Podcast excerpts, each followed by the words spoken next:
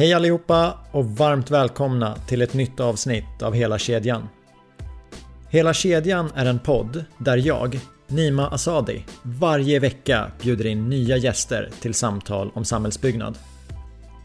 Kontaktuppgifter till mig hittar ni på hela-kedjan.se. Hör gärna av er till mig med feedback, kommentarer, tips på gäster, you name it. Jag blir bara glad om ni tar kontakt. Och till alla er som redan mejlat in vill jag passa på att säga stort tack. Följ gärna hela kedjan på LinkedIn och Instagram. Där hittar ni videoklipp, bakom kulisserna material och kan vara med och påverka frågor till kommande gäster. Sådär, nu är det dags. Låt oss köra igång med veckans avsnitt. Min nästa gäst är projektledare för strategisk utveckling med fokus på framtidens kollektivtrafik.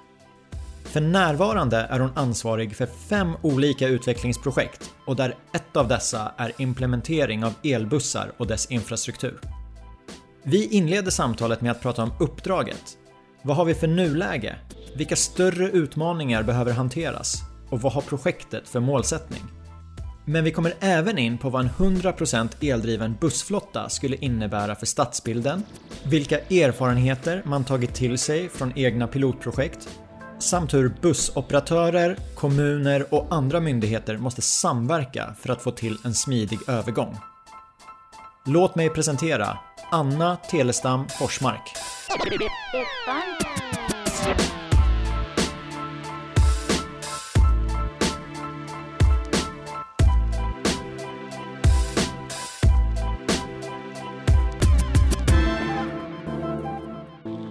Varmt välkommen till podden Anna.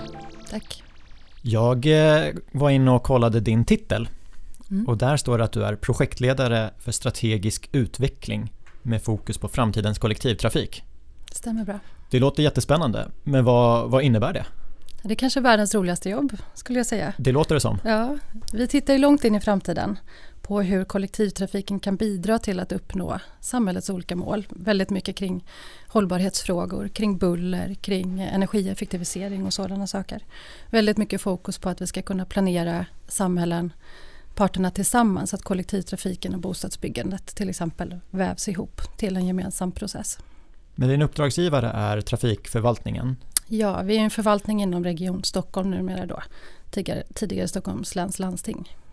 Ja men det låter spännande. Det är ju en eh, snabbt växande region. Den är ju stor redan idag men den ska ju Ja. bli ännu större. Men vad, vad innebär det? Projektleder du ett eller flera projekt?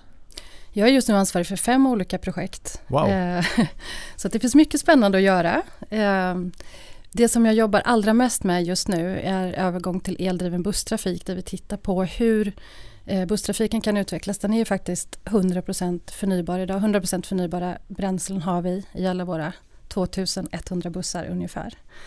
Eh, men vi ser ju att det finns många ytterligare miljömål att jobba med. Så att på klimatsidan kan man säga att där har vi kommit väldigt långt. Men när det gäller de här andra nyttorna då som buller, energieffektivisering, partiklar så kan vi komma längre. Och där jobbar vi nu med att se vilka eh, busstrafikavtal, vilka linjer, vilken typ av bussar är lämpliga att elektrifiera och hur ska vi i sådana fall anpassa vår infrastruktur och den stora frågan är ju kommer elen att räcka till allt det här? Så alla bussar i Region Stockholm drivs av förnybar energi? Det stäms, stämmer. Och hur länge har det varit så?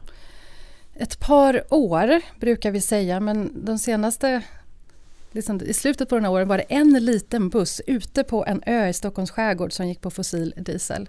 Så att eh, kanske ändå tre år eller fyra år till och med som verkligen lejonparten har varit eh, helt fossilfri. Så vi har ställt krav på detta i många år. Det händer mycket i vardagen. Jag minns när de första bussarna poppade upp som gick på något annat än bensin och diesel. Ja. Och då var det så här wow. Och nu säger du att hela flottan är Hela utbytt. flottan. Och det har inte jag tänkt på. Nej, ifall man tittar över hjulen, framhjulen så står det biodiesel eller etanol eller biogas. Och i framtiden kanske vi kommer ha en elsymbol där också då. Vi får se hur vi gör med det. Ja, någonting för att visa. Eller så, jag menar för nästa generation kanske det bara är standard. Så skulle det kunna vara. Man hör ju om inte annat när det kommer en elbuss. Den har ju ett helt annat ljud. Ja. Vi har ju några elbussar idag i Norrtälje och eh, Eskilstuna. Eh, inte Eskilstuna, Sigtuna. Eskilstuna finns också men de är inte våra. Eh, men elbussarna som rullar i Norrtälje de har en liten häftig elsymbol. Så att där ser man ganska tydligt att det är just en elbuss som kommer. Mm. Jag eh, gjorde lite researcharbete och då hittade jag en artikel där det stod att eh, men du är projektledare för arbetet med implementering av elbussar och dess infrastruktur. Mm. Och då undrar jag vad, vad innebär det? Kan du, vad gör du om dagarna? Massor, det finns ju så himla många spännande personer och organisationer att prata med. Och senast igår hade vi ett möte med Ellevio till exempel som är nätägaren i Stockholm. Och innan har man inte behövt fundera så mycket på om elen kommer att räcka till alla de här utbyggnaderna och satsningarna som vi vill göra. Men i det här ökade klimatfokuset och ökat fokus på elektrifiering och till exempel då utbyggd tunnelbana och utbyggda bostäder, allt det här drar ju el. Eh, så i, i samband med att man gör de här stora klimatsatsningarna så blir det ett väldigt ökat tryck på elsystemet. Så nu när vi handlar upp busstrafik då har vi haft en lång förberedelseprocess för att handla upp 40 procent av busstrafiken som ska ha trafikstart år 2021. Så där är vi två år före ungefär nu. Men uppdraget då, tänker jag, är det att, det att det är ett visst år och då ska det vara 100% eldrivet? Eller? Uppdraget är att vi ska göra en successiv övergång till eldriven busstrafik i takt med att trafikavtalen eh, tillåter detta. Vi handlar ju upp trafik, ett trafikavtal lever i tio år och det är ganska svårt om en trafikutövare då, vi äger inte bussarna själva på SL utan en trafikutövare äger sina bussar inom ett avtalsområde. Och om de vinner ett avtalsområde då köper de bussar som ska passa med den trafiken. Så det är ganska svårt att göra stora förändringar under de här tio åren som ett avtal löper. Så nu har vi då 40% av busstrafiken, kommer ha nya trafikavtal med start 2021. Där vill vi implementera elbussar. Så har vi ställt krav på det. Vi har ställt krav på till exempel hur batterierna ska produceras, att en leverantör av ett bussbatteri ska kunna spåra eh, de, de här känsliga mineralerna så långt det går. Målet är att kunna spåra dem ända till gruvan för att vi ska kunna säkerställa att det inte förekommer till exempel barnarbete eller att, att de förstör den lokala miljön, den här produktionen av batterierna. Eh, så nu är, handlar det om att förstå, de här elbussarna som vi har ställt krav på i den här trafikupphandlingen, kommer de att kunna ladda bussarna på de depåerna som vi äger? Och då är det framförallt två depåer som vi tittar på just nu. Och där för vi samtal med Ellevio som är den lokala nätägaren om de kan tillhandahålla el. Så det är ett väldigt konkret exempel på vad jag till exempel gjorde igår på jobbet. Om man eh, fokuserar lite på infrastruktur så tänker mm. jag att ja, men elbussar de kan ju ha en skena på taket mm. som får ström från en kabel eller så har man det under som drar mot vägen. Mm. Eller det här med uppladdningsbara batterier. Vilka spår undersöker ni? Vi har gjort en stor utredning där vi vände och vred på de här olika teknikerna och deras mognadsgrad framför allt. Eh, och där kom vi fram till det här beslutet då som fattades i trafiknämnden, där kan man läsa om allt det här. Men vi kom fram till att vi vill påbörja den här utvecklingen där vi går till att vi har depåladdade bussar med batterier då. Och det är ju för att vi har själva rådighet över att bygga om våra egna depåer. Eh, det blir liksom den enklaste vägen att gå till att börja med. Då plockar vi lågt hängande frukter genom att elektrifiera de bussarna. Börjar vi prata om infrastruktur ute på stan, till exempel laddstolpar eller skenor i vägen eller trådar över bussarna, då måste vi ha väldigt mycket mer dialog med väghållarna i det här fallet och kommuner och kanske Trafikverket kring en sådan satsning. Och då behöver vi få yta för det i en väldigt tät stad. Vi har haft ett par projekt där vi har testat att bygga laddstolpar. Både med laddning uppifrån och laddning underifrån. Och vi lärde oss jättemycket av hur svårt det är att få till de här platserna i oftast då en tät stadsmiljö. Och därför har vi valt att som ett första spår satsar vi på depåladdade bussar med någon möjlig tilläggsladdning tror vi kan behövas på lunchtid eller så. Och då tittar vi även på terminaler just nu. Och det är ju platser där bussarna ändå ska stå still en stund. Kanske där busschaufförerna har sin paus. Då är det lämpligt att ladda.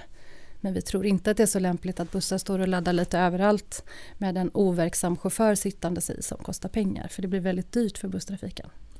Att eh, skriva nya avtal, handla in nya bussar, bygga infrastruktur. Eh, mm. Det kan ju ändå rankas som eh, utmaningar. Mm. Men jag tänker att det borde komma en del möjligheter också med ja. en eldriven bussflotta. Ja.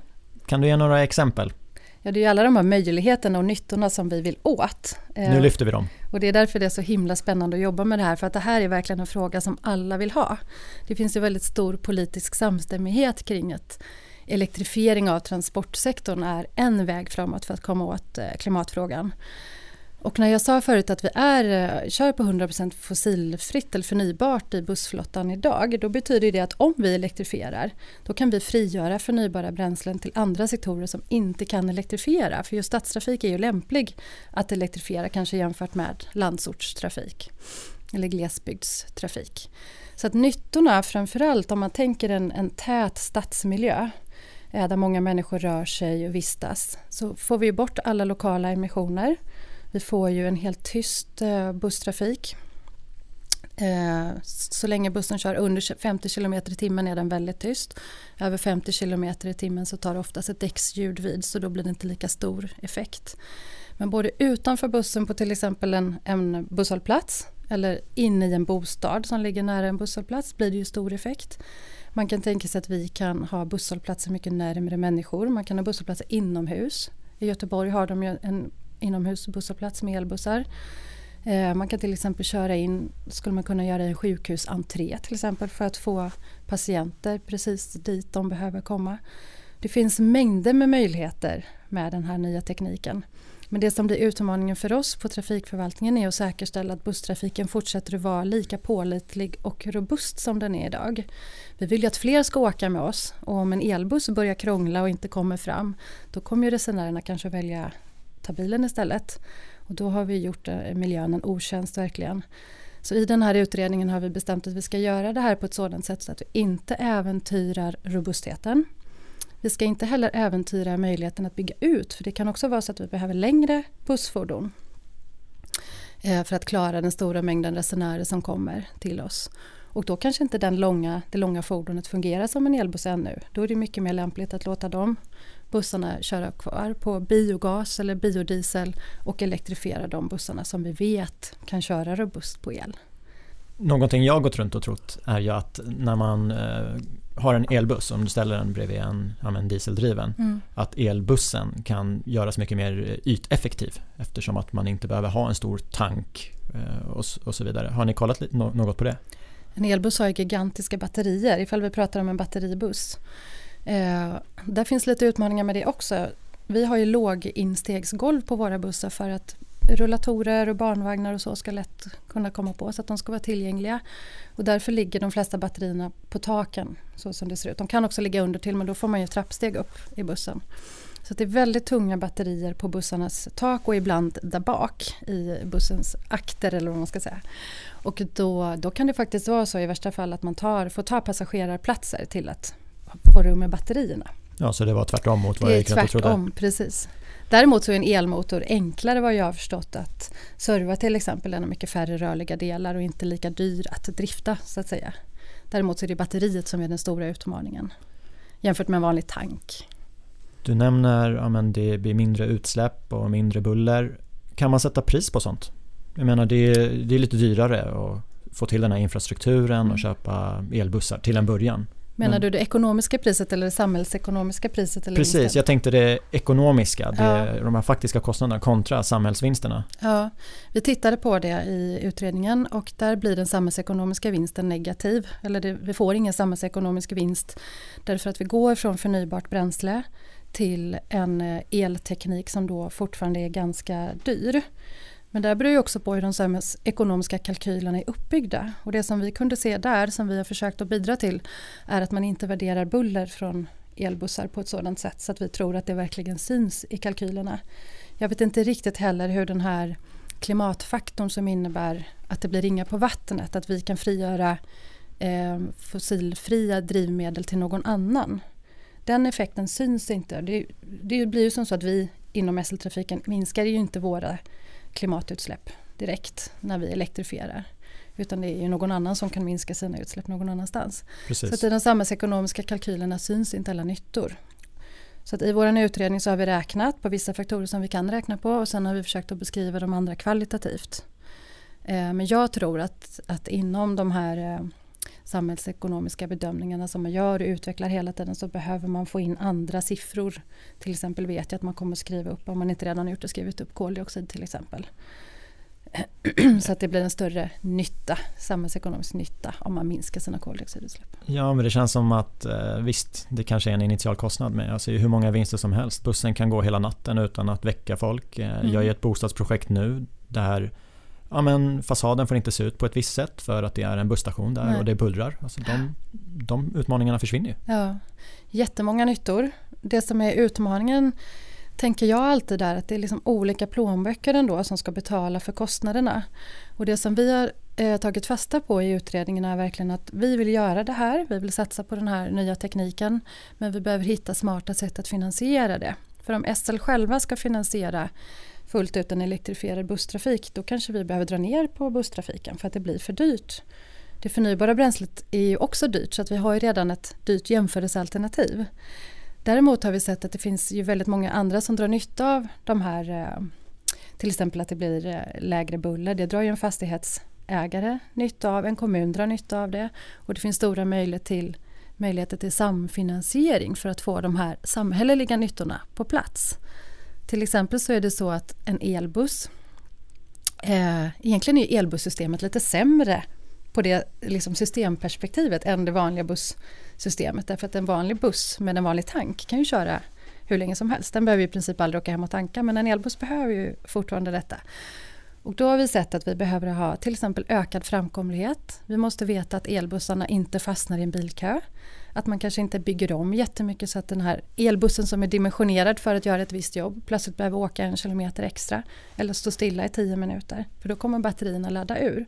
Så att en kommun, till exempel en väghållare, kan ge vår busstrafik en bussfil eller signalprioritering. De kan hjälpa till att finansiera ökad elkraft på en depå som ligger i deras kommun. Vilket gör att vi då delar på kostnaderna men vi på SL kan tillhandahålla nyttorna. Och båda finns ju idag, bussfiler och signalprioritering, ja. så det handlar egentligen bara om att växla upp. Ja, skulle jag säga. Är Sverige bland de första i världen eller finns det andra länder, städer som vi kan kolla på? Kina är ju den stora draken skulle jag säga. Där är, har de kommit väldigt långt och det är också mycket av deras teknik som vi ser i Sverige idag. Många av elbussarna kommer från ett kinesiskt företag som heter Build Your Dreams, BYD förkortas det. Volvo, Scania och många andra, alla producerar ju egentligen elfordon idag men de har nog, prislappen ser väldigt olika ut skulle jag säga. Men vi ligger inte före i Sverige med att få antalet elbussar på plats. Men i alla fall om jag uttalar mig för Stockholms del så ligger vi ganska långt fram i att förstå eh, systemperspektivet, förstå effekterna, förstå vilka frågor det är vi behöver jobba med för att vi ska göra ett smart elbussystem. Och inte bara sätta upp en massa laddstolpar och köpa en massa bussar och låta det kosta hur mycket som helst. Eh, så att jag har sett att det finns jättemånga intressanta studiebesök och ställen att liksom titta på. Men vi försöker att hitta utifrån ett Stockholmsperspektiv en Stockholmsmodell som fungerar med vårt sätt att arbeta där vi till exempel inte äger bussarna själva. Där måste en trafikutövare äga bussarna, vi måste kunna handla upp det här. Vi måste kunna anpassa vår infrastruktur till deras bussar och så vidare. Så man måste, det är svårt att titta på ett ställe och säga så där gör vi. Man måste alltid anpassa efter lokala förutsättningar. Och lokala förutsättningar, jag läste vidare i artikeln att i Norrtälje och i Södertälje, mm. då testar vi faktiskt elbussar. Ja, Norrtälje finns det ju redan i, i drift. I Södertälje har vi haft ett projekt.